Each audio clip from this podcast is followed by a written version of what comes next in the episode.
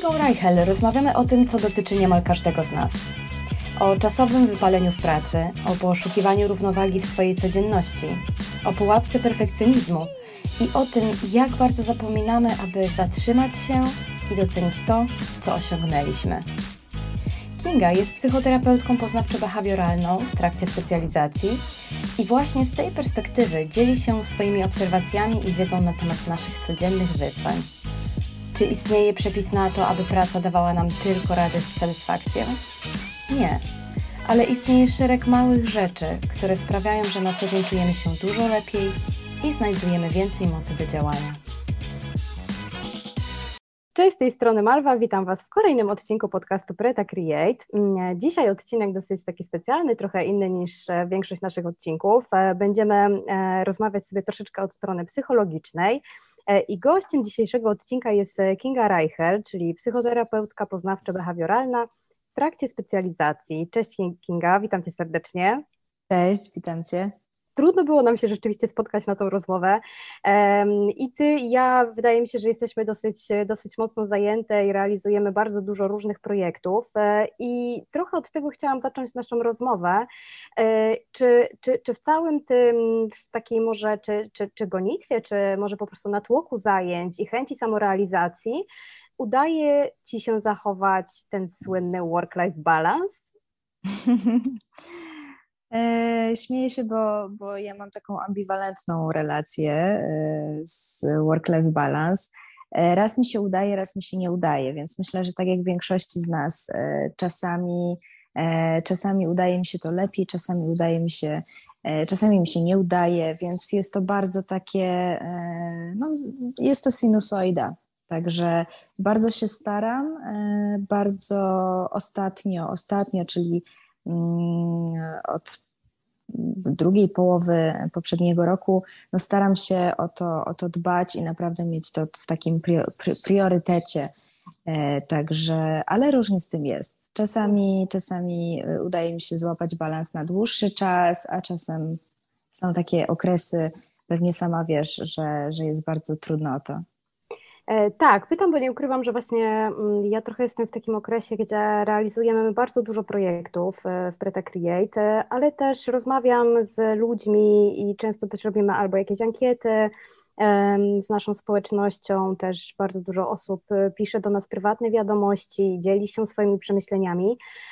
I widzę, że ogólnie jest tak, że rzeczywiście raczej większość mm, z osób ma tendencję do angażowania się w bardzo wiele projektów. I też zastanawiam się właśnie od takiej psychologicznej strony, czy ty może wiesz, z czego to w ogóle może wynikać, takie angażowanie się i i taka niemoc czasem w odpuszczeniu, przychodzi nam kolejna okazja i po prostu mówimy, wow, muszę to zrobić, a zaraz za dwa dni odzywa się kolejna okazja i to też muszę zrobić, i to też. Czy, czy to wynika z czegoś, z czegoś takiego, z takiego poczucia, że coś nam ucieknie, czy może cały czas czujemy jakiś taki oddech konkurencji, czy może też w ten sposób jakieś, wynagradzamy sobie jakieś braki? Zastanawiałaś się kiedyś nad tym? E, no, odpowiem jak e, typowy psycholog, czyli to zależy, tak? Bo naprawdę to zależy. To będzie jakby funkcja tego zachowania, funkcja tego e, będzie zależała od bardzo wielu czynników i będzie to indywidualne dla, dla każdej z, z osób. Gdybyśmy zapytały 10 mm, osób, które dużo pracują, które właśnie mm, pracują w takim flow, jak powiedziałaś, to pewnie każda z nich miałaby troszeczkę, u każdej z nich te czynniki byłyby nieco inne, ta kombinacja czynników byłaby inna, ale też funkcja zachowania. My, psychologowie, lubimy pytać, po co to robisz, tak? Jaka jest funkcja Twojego zachowania? Dlaczego potrzebujesz robić to a, a w taki sposób, a nie inaczej? Więc e, chodzi o to, dlaczego to robię, tak? Co mi to zaspokaja, jakie moje potrzeby mi to zaspokaja, I, I, jakby, bo oczywiście tutaj czynniki temperamentalne, tak, cechy osobowości, e, sytuacja taka środowiskowa, ekonomiczna, to wszystko będzie bardzo mocno na to wpływać. To w jakim mieście żyjemy, czy to jest duże miasto, czy mniejsze, jakich mamy znajomych, w jakim środowisku się obracamy, to wszystko będzie miało też na to, na to wpływ. E, czy, czy, czy żyjemy w takim pędzie, bo właśnie wszyscy nasi znajomi, wszyscy wokół e, roz, mają parcie na rozwój, na karierę, e, żyjemy w dużym mieście, więc jest to takie, jest ten pęd wyczuwalny nawet w powietrzu. Ja się śmieję, że, że, że mm, mam, mam tak z Warszawą na przykład, nie? że jak ja tutaj jestem, to jakoś tak ten pęd czuć w powietrzu. Jak jadę do jakiegoś mniejszego miasta, na przykład do swojego rodzinnego, mm, to od razu jakby widać, że i ludzie żyją wolniej i, i w ogóle wszystko jakoś kręci się dużo, dużo wolniej, to tempo jest wolniejsze. Nie wiem, czy to jest e, moje wrażenie tylko, tak, czy, czy rzeczywiście gdzieś tam w powietrzu to, to bardzo mocno Wydaje, jest wy, wyczuwalne. Wydaje się, mhm. że na pewno, na pewno większe miasta mają większą presję i, i czuć to ciśnienie. Um, ja akurat z Warszawą mam bardzo dobre skojarzenia, ale też ona mi się kojarzy z pracą, bo zawsze jak tam jeżdżę, to po prostu tak, tak. w celach, w celach e, powiedzmy, nazwijmy to biznesowych. Natomiast mam też bardzo ciekawe porównanie. Ty mówisz, że się zastanawiasz, czy gdzieś indziej jest, taki, jest inaczej, czy, czy, czy to są tylko Twoje mm, skojarzenia i Twoje wnioski. Natomiast ja e, mieszkam we Włoszech już od kilku miesięcy i to jest po prostu, dostałam trochę takiego plaskacza w twarz, nie ukrywam, e, bo od zawsze, odkąd pamiętam, byłam osobą, która gdzieś miała bardzo duże ambicje. E, praca była dla mnie zawsze turbo ważna wiedziałam, że chcę pracować na swoim, co naprawdę jest dosyć trudnym wyzwaniem.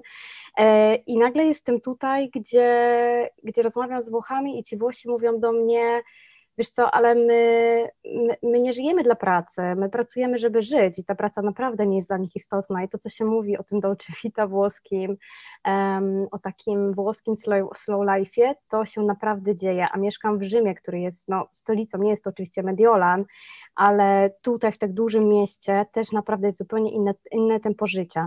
Myślisz, że to też wiąże się w takim razie z tym, że my Polacy tak mamy? Jeśli tak, to z czego to może wynikać? Mhm. E, tak, myślę, że to e, kultura, społeczeństwo bardzo kształtuje. My jesteśmy takim pokoleniem, które e, ma wiele możliwości, tak? które może, które naprawdę ma e, ogromne możliwości podejmowania decyzji takich zawodowych, może się rozwijać na bardzo wielu płaszczyznach, na bardzo wielu polach, więc myślę, że a też jesteśmy chyba ambitnym społeczeństwem, tak, tak mi się wydaje.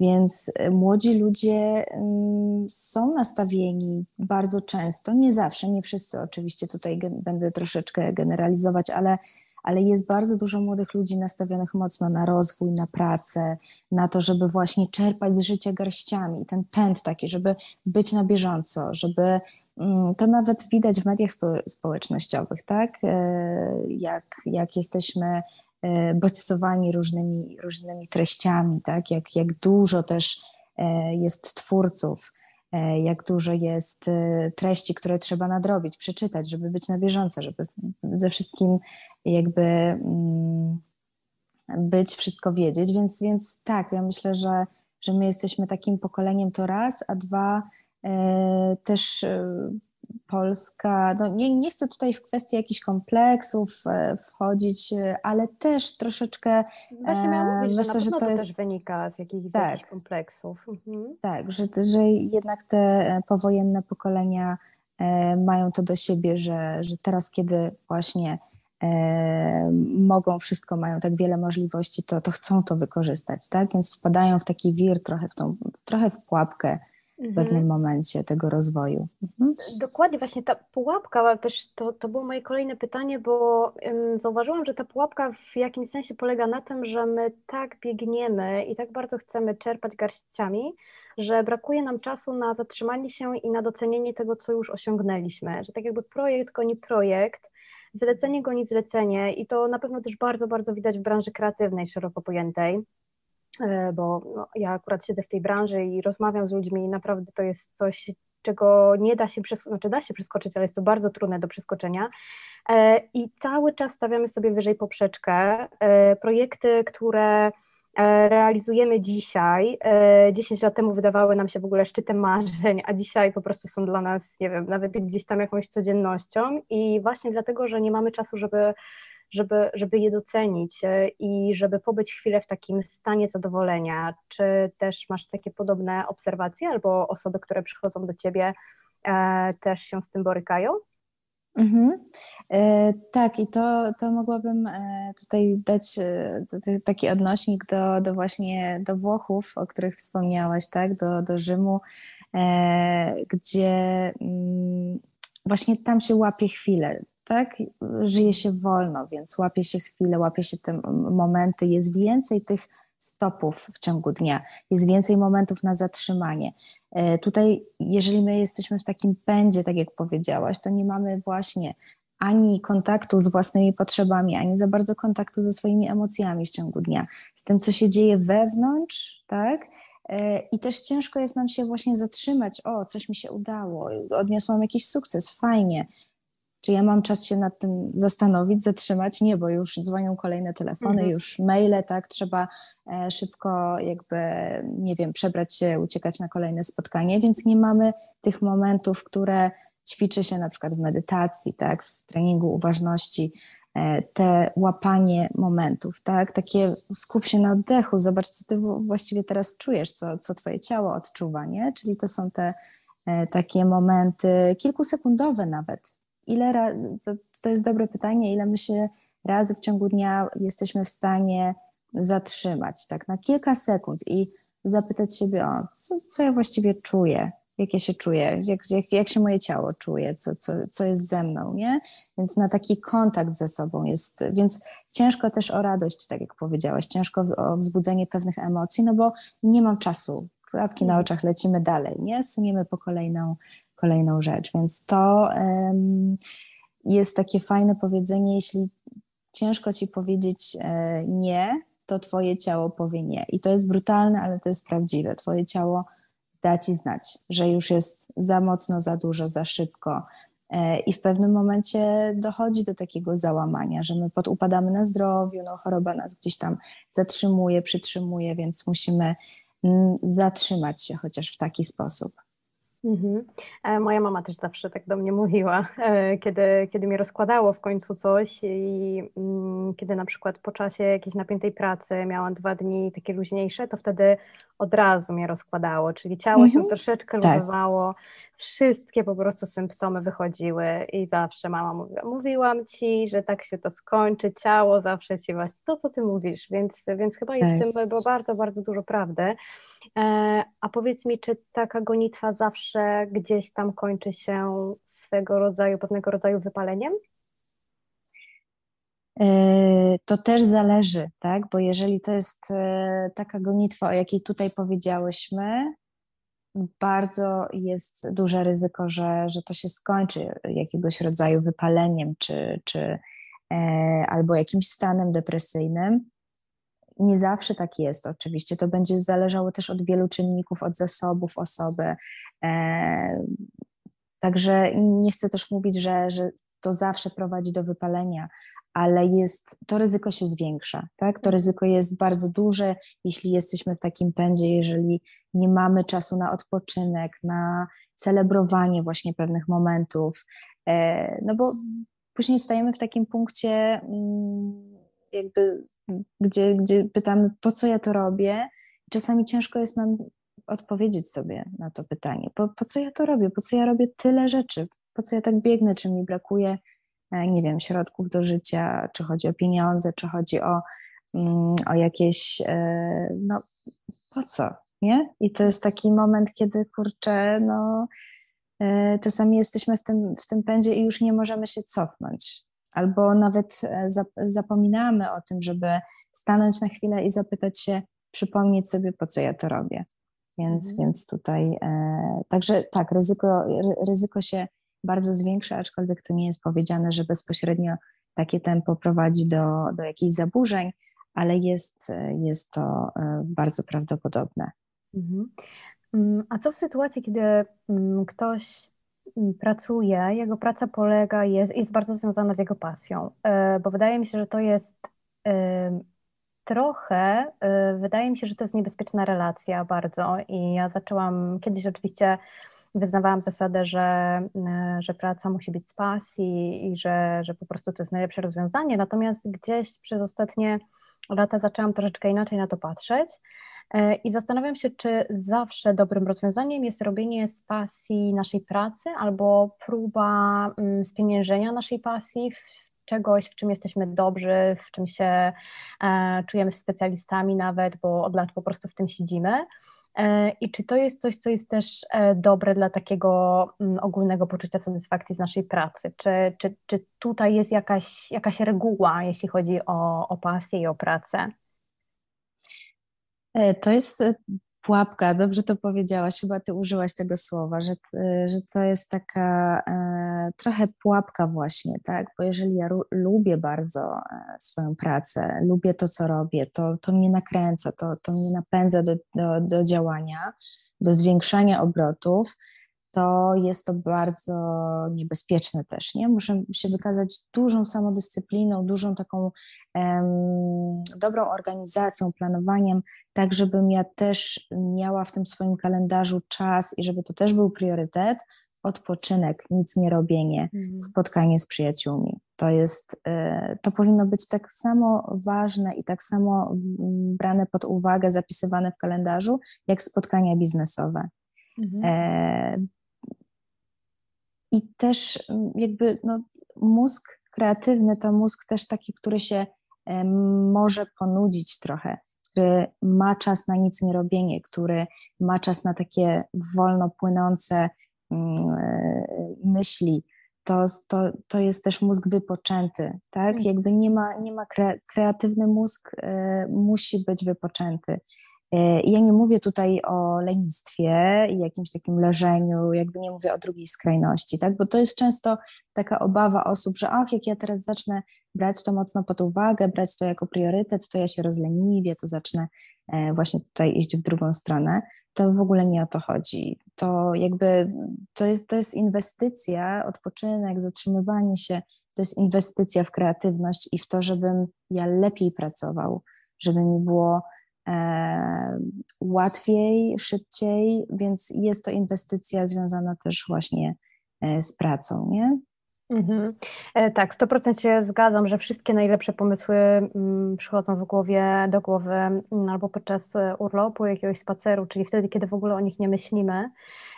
I myślę też sobie, że, mm, że właśnie w tej relacji pomiędzy pracą a pasją niebezpieczne też jest to, że że kiedy pasja jest naszą pracą, to tak naprawdę już nic poza pracą się dla nas nie liczy tak prywatnie, no nie? Nie mamy tej takiej odskoczni, mm, zwłaszcza kiedy, kiedy, kiedy ta pasja towarzyszyła nam przez lata i kiedyś była te, tylko takim hobby, e, a potem po prostu czerpiemy z niej jakieś, jakieś e, przychody to, to bardzo łatwo tutaj jest się zatracić, chyba też e, czasowo, tak wynika z obserwacji, tak e, też swojego doświadczenia, ale też z obserwacji osób właśnie, z którymi, z którymi rozmawiam i przebywam.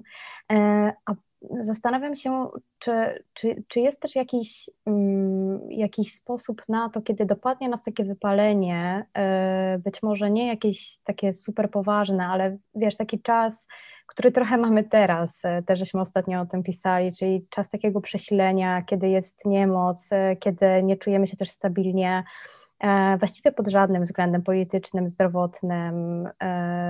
Świat po prostu widać, że, że trzęsie się na swoich nogach i nie wiadomo, co dalej będzie. I zastanawiam się, czy są jakieś sposoby na, na przetrwanie takiego czasu wypalenia, kiedy, kiedy otwieramy rano, nie wiem, komputer, książkę, otwieramy nasze studio kreatywne, cokolwiek po prostu, wiesz, mamy taki odruch wręcz wymiotny i, i naprawdę nie dajemy już sobie rady, nie chcemy tego robić. Mhm. E, no, wypalenie zawodowe nie jest jednostką chorobową, ale bardzo e, zwiększa, jakby bardzo wpływa na funkcjonowanie e, i takie somatyczne i psychiczne. I wypalenie zawodowe generalnie zwiększa ryzyko pojawienia się różnych chorób somatycznych, ale też chorób psychicznych typu właśnie depresja czy zaburzenia lękowe. To jakby tutaj trzeba podkreślić, że, że nie jest to jednostka chorobowa, aczkolwiek bardzo mocno wpływa na funkcjonowanie. I teraz e, to też myślę taka ważna informacja, że lekarz, mimo to, że nie jest to jednostka chorobowa, może wystawić nam skierowanie, jeżeli uzna to za stosowne, może nam e, wypisać takie skierowanie na, znaczy skierowanie dać zwolnienie mhm. takie mm, na odpoczywanie, na odpoczynek, co w Polsce nie wiem, jak często się zdarza, mhm. ale wiem, że, że jest to możliwe i tutaj również lekarz psychiatra może takie skierowanie wypisać, więc gorzej, jeżeli ktoś jest na własnej działalności, prawda? To, tak. to jest chyba też e, mhm. kolejna pułapka. Chyba dzisiaj po prostu słowo pułapka niestety będzie hasłem przewodnim, ale e, tak. no, to jest turbo ciężkie, e, żeby właśnie chyba, żeby odpuścić sobie na własnej działalności, jest to też o wiele trudniejsze, nie ukrywajmy, przez wzgląd finansowy, przez ten czynnik finansowy, bo w momencie, kiedy my nie mamy jakiejś fajnej górki finansowej, Mm, która pozwoli nam na swobodny odpoczynek psychiczny, czyli od tego, że dobra, y, mam tak jakby na najbliższy, nie wiem, miesiąc górkę finansową i po prostu mogę ją przeznaczyć na to, żeby troszeczkę zwolnić i odpocząć, e, to tutaj jest pułapka mm, tego błędnego koła, które nigdy się nie kończy, tak? Czyli, że po mhm. prostu cały czas, cały czas musimy pracować, żeby wyrobić, e, no powiedzmy, normę finansową, do której jesteśmy przyzwyczajeni i mm, no, tutaj dla mnie tak jakby, ja jeszcze nie znalazłam tego środka tak naprawdę, czyli żeby po prostu dać sobie na wstrzymanie na własnej działalności e, i po prostu wierzyć w to, że, że, że jakoś to będzie też finansowo dalej, jeżeli sobie troszeczkę odpuścimy i to myślę, że jest najtrudniejsze, jeżeli ktoś nie jest zatrudniony. Mhm. Tak, to y, jest ten czas pracy y, nie, no, jest tak wydłużony, tak, możemy obojętnie o której godzinie odpisywać na te maile i to może być późno wieczorem, to może być wcześniej rano, więc nie mamy po prostu limitów, także tutaj ta samodyscyplina będzie bardzo ważna, przestawienie sobie troszeczkę w głowie e, tych priorytetów, tak, przestawienie sobie tego, że ten odpoczynek jest niezbędny, niezbędny żebym ja e, był, była w pracy e, efektywna, kreatywna, żeby mi się chciało, żebym miała dalej tą energię, bo co z tego, że ja będę e, mieć tą energię przez pół roku, jak po pół roku będę już tak e, wycieńczona, wycieńczony, e, że nie będę w stanie, później będę już nieefektywna, mało kreatywna i kolejny mm. rok będzie bardzo no, niefajny, męczący, więc tutaj jakby to przestawienie sobie w głowie, tak? Odpoczynek jest priorytetem, to jest mi potrzebne do pracy, do, do bycia efektywnym do, do bycia kreatywnym, e, ale mówię tutaj bardziej o, bo ja też nie mam na myśli jakiegoś tam odpoczynku, że nie wiem, dzień, dzień wolny. E, mówię o takich naprawdę drobnych, małych rzeczach w ciągu dnia, takich właśnie małych stopach. Takie zrobienie sobie nawet kilkuminutowego stopu w ciągu dnia. Takie mm, no, pilnowanie tego czasu, tak, na przykład, nie wiem, maksymalnie do tej 18 pracuję, później naprawdę trzymam się tego, żeby nie sprawdzać telefonu, nie patrzeć na maile, nie patrzeć na to, bardzo tego pilnować i, i, i szanować ten czas takiego odpoczynku, ale nawet w ciągu, w ciągu dnia to są takie pięciominutowe zatrzymania się, minutowe dosłownie, tak, żeby w ogóle złapać oddech, bo czasami tak biegniemy, że, że nawet nie czujemy własnego oddechu, nie wiemy w ogóle, co się, co się z nami dzieje.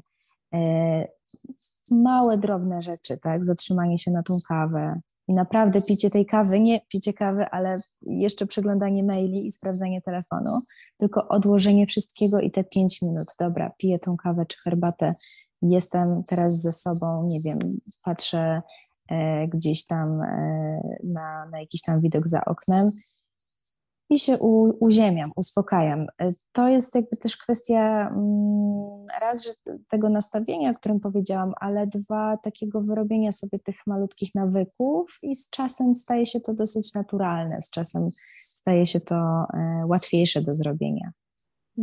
A mm, doradzasz jakieś takie małe nawyki mm, osobom, z którymi, e, z którymi pracujesz? Mi na przykład bardzo dużo pomogło wyłączenie powiadomień w telefonie i to jest moje odkrycie e, ostatnich tygodni. E, nie tylko właśnie po godzinach, po, po godzinie 18, ale też w ciągu dnia. I to jest niesamowita różnica, że ja tak jakby biorąc telefon do ręki, nie widzę tam dziesięciu wiadomości na Instagramie, e, pięciu maili e, i często łapałam się też na tym, że na przykład przez godzinę siedziałam, nie wiem, z koleżanką na kawie, po czym po godzinie wyciągałam telefon i już czułam się cała przytłoczona, bo wiedziałam, mhm. że przez tą godzinę w ogóle świat poszedł tak do przodu, mój świat co, co gorsza, moja firma, tak. tyle rzeczy się wydarzyło. E, I wydaje mi się, że to jest na pewno bardzo dobry trik, który też jest trudny, bo też potem już widzę, że mam nowy nawyk, że nawet jak nie mam tych powiadomień, to co chwilę też sprawdzam sama, czyli nie ma czegoś nowego, bo, bo przecież nie wiem, bo mi nie wyskakuje powiadomienie. Ale są też jakieś inne małe triki, które ty podpowiadasz e, osobom, z którymi pracujesz? Mhm. E, nie wyskakiwanie rano z łóżka, tak mhm. od razu po prostu pędzę do laptopa czy do telefonu. Otwieram oczy i zatrzymuję się, tak, na parę sekund. E, to, są, to może być jakieś ćwiczenie oddechowe, to może być kilkuminutowa, czy tam nawet minutowa medytacja, tak? Skupienie się, rozejrzenie się po pokoju, ok, uziemiam się w ogóle, zorientuję się, co się dzieje, gdzie jestem, e, jak moje ciało się czuje i dopiero wychodzę z łóżka i dopiero wtedy e, jakby sprawdzam ten telefon. Super byłoby, gdyby w ogóle ten telefon czy, czy laptop był sprawdzany po śniadaniu, tak? Czyli spokojnie jem śniadanie, spokojnie idę, e, nie wiem, e, pod prysznic, tak? I dopiero wtedy. Tutaj też e, zimne prysznice i, i, i takie zimne kąpiele są bardzo skuteczne, jeśli oczywiście nie ma przeciwwskazań lekarza, to takie zimne kąpiele bardzo wpływają na wzrost adrenaliny, na taki krótkotrwały, dobry rodzaj stresu, który aktywizuje nas, e, pobudza. E, I najlepiej właśnie rano takie, takie zimne kąpiele wykonywać, żeby właśnie ruszyć. Jeżeli ktoś ma ten problem z takim rozruszaniem się rano, z takim rozpoczęciem dnia, to to jest bardzo fajny e, pomysł, żeby, żeby ten wzrost adrenaliny automatycznie sobie podnieść. E, też bardzo ważna będzie ekspozycja na światło i nawet jeżeli właśnie nie mamy możliwości, bo tak, w pierwszej połowie dnia między od 10 do 30 minut dobrze jest e, wystawić się na to światło dzienne, iść na spacer, przejść się, ale wiem, że to może być trudne. Nie każdy ma możliwość. Natomiast fajnie jest, jeśli tak zarządzimy swoim E, swoim miejscem pracy, żeby to światło e, wpadało e, do, do pomieszczenia, żeby wpadało go jak najwięcej. Możemy, nie wiem, ustawić biurko przy oknie albo wychodzić na kilka minut na balkon, czy mm, wyjść przed budynek, tak, żeby ta ekspozycja na światło jednak była jak największa. Też no, mówi się o takim naprzemiennym, to już w kwestii kreatywności bardziej, mm, o naprzemiennym siedzeniu i staniu, tak? Czyli żeby ta pozycja siedząca nie była przez cały czas, kiedy pracujemy przy laptopie, żebyśmy się starali też pracować na stojąco. E, to też będzie zwiększało kreatywność. E, też e, są takie mm, triki dotyczące światła, tak? To też ostatnio Huberman mówił w podcaście swoim na ten temat, że E, jakby jak, że światło e, takie boczne, tak, i światło górne, że to też jest bardzo istotne, w jaki sposób to światło po tej godzinie 16 e, ustawić. Więc to są takie, takie drobne rzeczy, ta ekspozycja, tak, też techniki oddychania, medytacja, czyli takie stopy, tak, zatrzymywanie się, to też będzie bardzo wpływało na, na kreatywność, ale też na poziom stresu, na zwolnienie, na poziom napięcia co tam jeszcze mówiłam, o tym niewyskakiwaniu e, z łóżka tak od razu, tak, czyli o, te, o tym zatrzymywaniu się. E, zimne prysznice to też będzie bardzo istotne. Oczywiście dieta, ale to jest cały osobny, ogromny temat, e, tak? Nawadnianie się to też jest bardzo, no to są takie podstawy, tak? Sen e, między 7 a 9 godzin to jest też i tutaj każdy indywidualnie musi sobie już ustalić, czy 7, czy 8, czy 9 godzin, ale 7 to jest to minimum, 9 godzin to jest maks. Więc, więc no sen też jest tak ogromnym tematem osobnym, jakby podstawowym też, tak, podstawą, jeśli chodzi o mózg kreatywny, e, o, o to, żebyśmy w ciągu dnia też jak najlepiej byli poznawczo e, aktywni, więc, więc e, coś na pewno pominęłam, tak, sen, dieta, ekspozycja na światło, ruch oczywiście bardzo, mhm. bardzo istotny. I też tutaj nie mówię o jakimś od razu treningu, tak, to może być yoga, to może być w ogóle bycie w ruchu w ciągu dnia, to może być e, spacer, to może być taka spontaniczna aktywność na zasadzie, nie wiem, wybiegam pieszo do sklepu, wracam pieszo z tego sklepu, e, czyli po prostu bycie w takim ruchu. Jeżeli mamy pracę siedzącą, ja wiem, jakie to jest trudne, sama mam pracę siedzącą, ale staram się e, właśnie też za, zamieniać, tak? Jeżeli godzinę siedzę, to godzinę stoję i pracuję. Myślę sobie mm, też jeszcze o tym odgraniczeniu w jakiś sposób tej przestrzeni pracy i przestrzeni domowej. Oczywiście to ładnie mhm. brzmi, ale pewnie w warunkach domowych jest to ultra trudne. E, ale myślę, że to też jest pewnie ważna sprawa, prawda, żeby gdzieś tam znaleźć sobie ten kąt. No, dwa lata pandemii też troszeczkę nas tego nauczyły.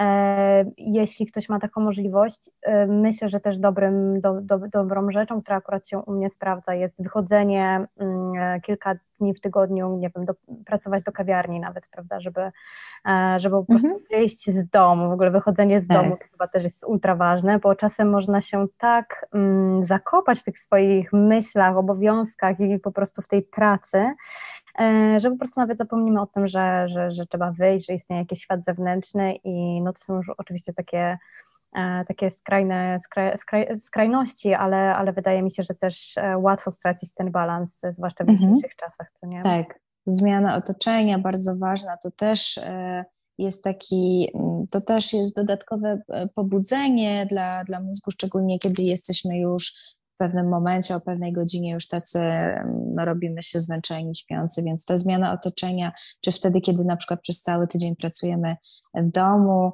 e, i, i powiedzmy jednego dnia sobie wyjdziemy właśnie do, gdzieś na zewnątrz, zmienimy otoczenie, to też nas pobudzi, to też będzie e, u większości osób e, dobrze, dobrze wpływało właśnie. Mhm. Mm, ale też to kontakt z ludźmi, tak? Takie nawet bycie wśród ludzi, jakiś taki gwar, to może różnie u różnych osób zadziałać. Niektóre osoby może to rozpraszać, inne, inne właśnie wręcz przeciwnie, ale, ale to też jest istotne. I tutaj e, też jeśli mówimy o tym takim zwalnianiu, odpoczynku, to też ten kontakt z ludźmi taka rozmowa właśnie nie o pracy, takie pobycie z kimś, nie wiem, pójście z kimś na spacer, nawet rozmowa telefoniczna, takie mm, odwrócenie swojej uwagi od tego, że jest tylko praca, bo my czasami możemy mieć wrażenie, że to jest jedyny obszar w naszym życiu, nie? A nagle mhm. rozmawiamy z kimś i, i, się dowiadujemy, o, czy jest jeszcze coś poza pracą, tak? Mhm, jeszcze mhm. coś możemy o czymś innym porozmawiać albo e, czegoś się dowiedzieć, więc to jest bardzo ważne, takie uziemianie się i takie też odwracanie uwagi od, może też e, próbowanie nowych zajęć, tak sobie myślę, jakieś, mm, nie wiem, tańce, boks, pływanie, siłownie, albo w ogóle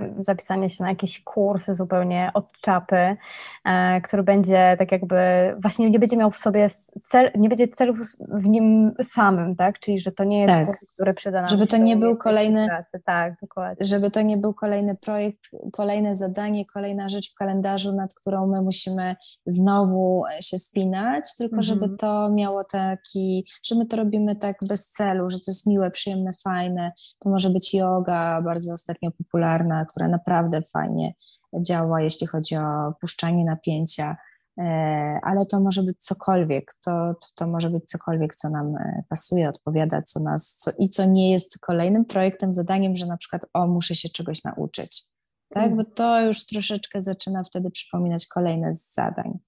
Mhm.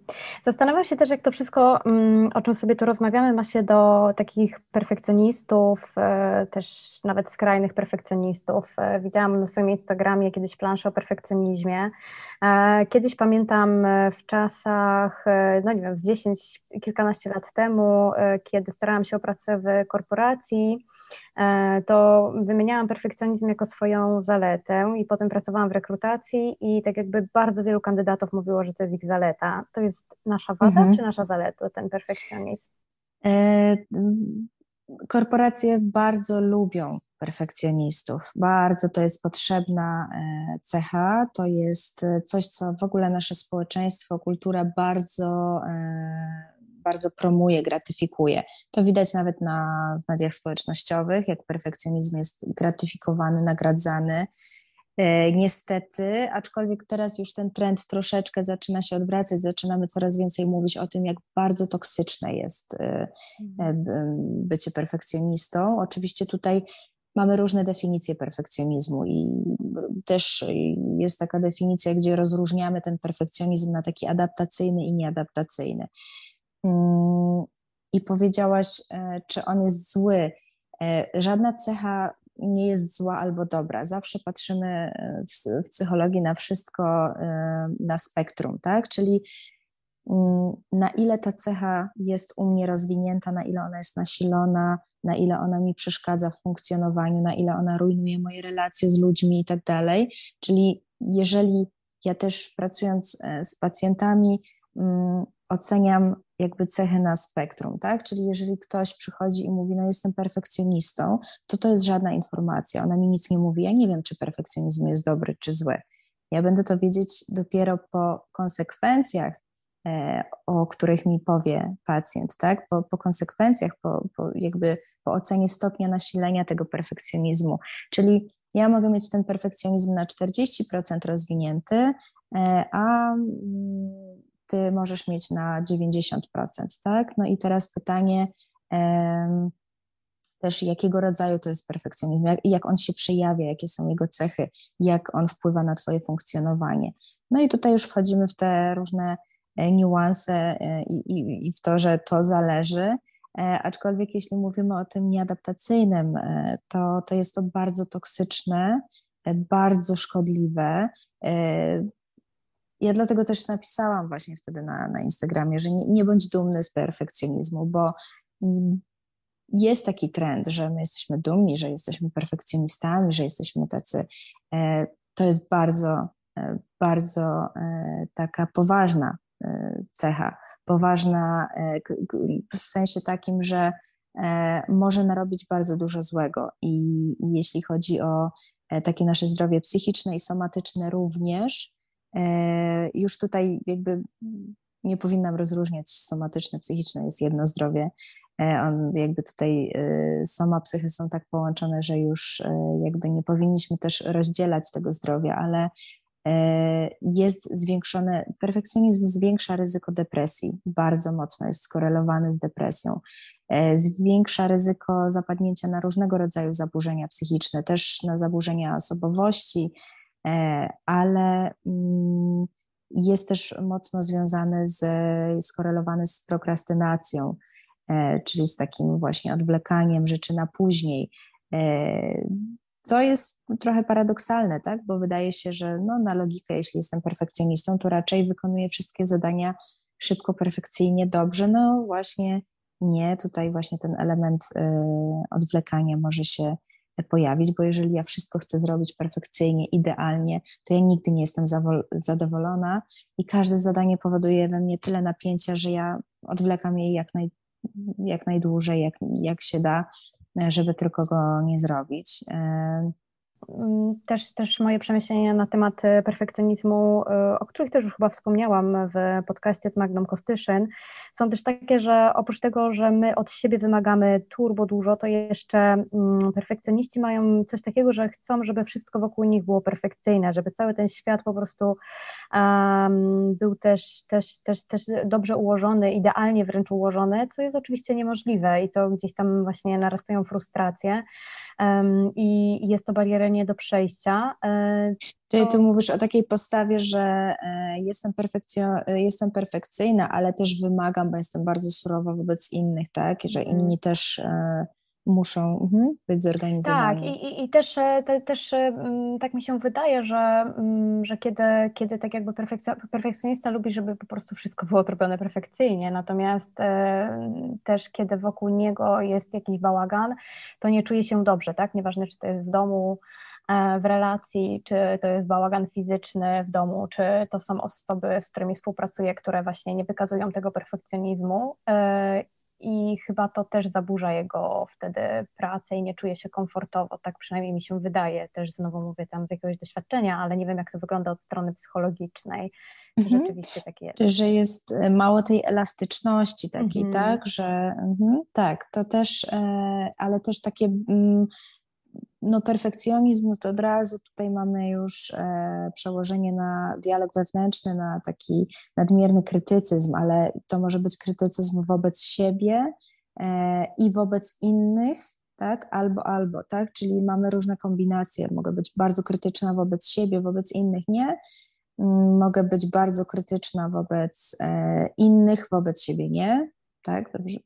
Wobec siebie, wobec innych nie, już tego nie wymagam, albo tylko wobec innych, a wobec siebie nie jestem krytyczna, więc tu albo jedno i drugie, tak? Czyli jestem bardzo krytyczna wobec siebie, ale też wobec innych, więc tu mogą być te różne kombinacje. Oczywiście perfekcjonizm nie jest y, czymś e, takim odrębnym, e, on jest w całym kontekście różnych innych cech osobowości człowieka i to wszystko będzie e, w tej mieszance i jak się ten perfekcjonizm będzie przejawiał, będzie zależało też od innych czynników, od innych cech osobowości, bo to będzie jakby cała mieszanka tutaj, cały kontekst osobowości, temperamentu człowieka, więc, y, więc tak, to, to, to może być tak, że one, y, perfekcjoniści nie są zbyt elastyczni, tak, i, i potrzebują też odpowiedniego otoczenia, odpowiedniego, e, nawet takich walorów estetycznych otoczenia, w którym są, tak, i w którym się znajdują, więc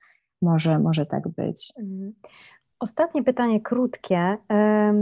Jak się nagradzać e, za, za te małe sukcesy, od których żeśmy zaczęły, czyli e, żeby się zatrzymać nad, nad nimi, pochylić i zbić sobie piątkę? To po prostu wystarczy powiedzieć sobie super, good job Malwa, good job, good job Kinga, czy, czy, czy dać sobie jakąś jeszcze dodatkową e, nagrodę?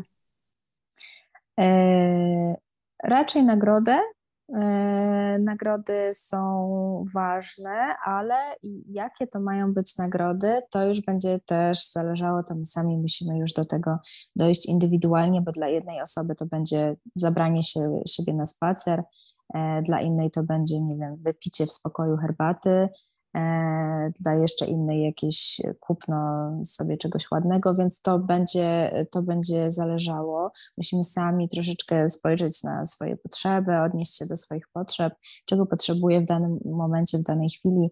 E, I, ale tak, nagradzanie się jest bardzo fajne, e, bardzo działa na wzrost dopaminy i na to, żebyśmy powtarzali pewne zachowania, tak? Jeżeli mamy gratyfikację, nagrodzimy się, to mózg kojarzy, że o, to jest przyjemne, czyli ja chcę powtarzać dalej to, e, to, to zachowanie, więc ale to może być też takie właśnie, mm, bo tak, no, nie jesteśmy w stanie się nagradzać za każdym razem, tak? To, to też nie jest możliwe, żebyśmy zawsze za każdym razem wymyślali jakąś kolejną e, rzecz, e, ale takie też zatrzymanie się, właśnie wsłuchanie się w siebie, tak? Co ja teraz czuję? Czy ja czuję ra radość z tej wykonanej roboty? Czy jestem trochę zawiedziona?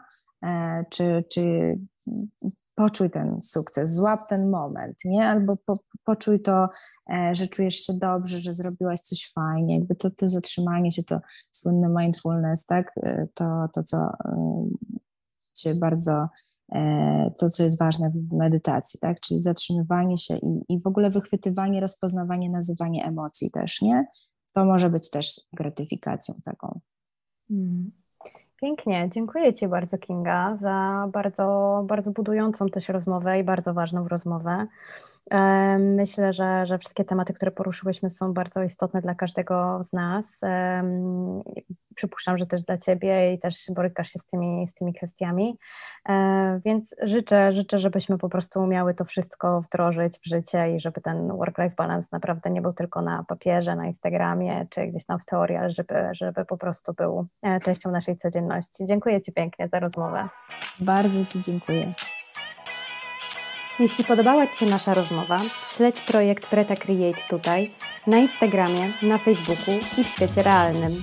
W Preta Create tworzymy kreatywne szkolenia i warsztaty, nagrywamy podcasty i rozmawiamy z ludźmi z szeroko pojętej branży kreatywnej w Polsce. Przyłącz się do nas i rozwijaj ten projekt razem z nami.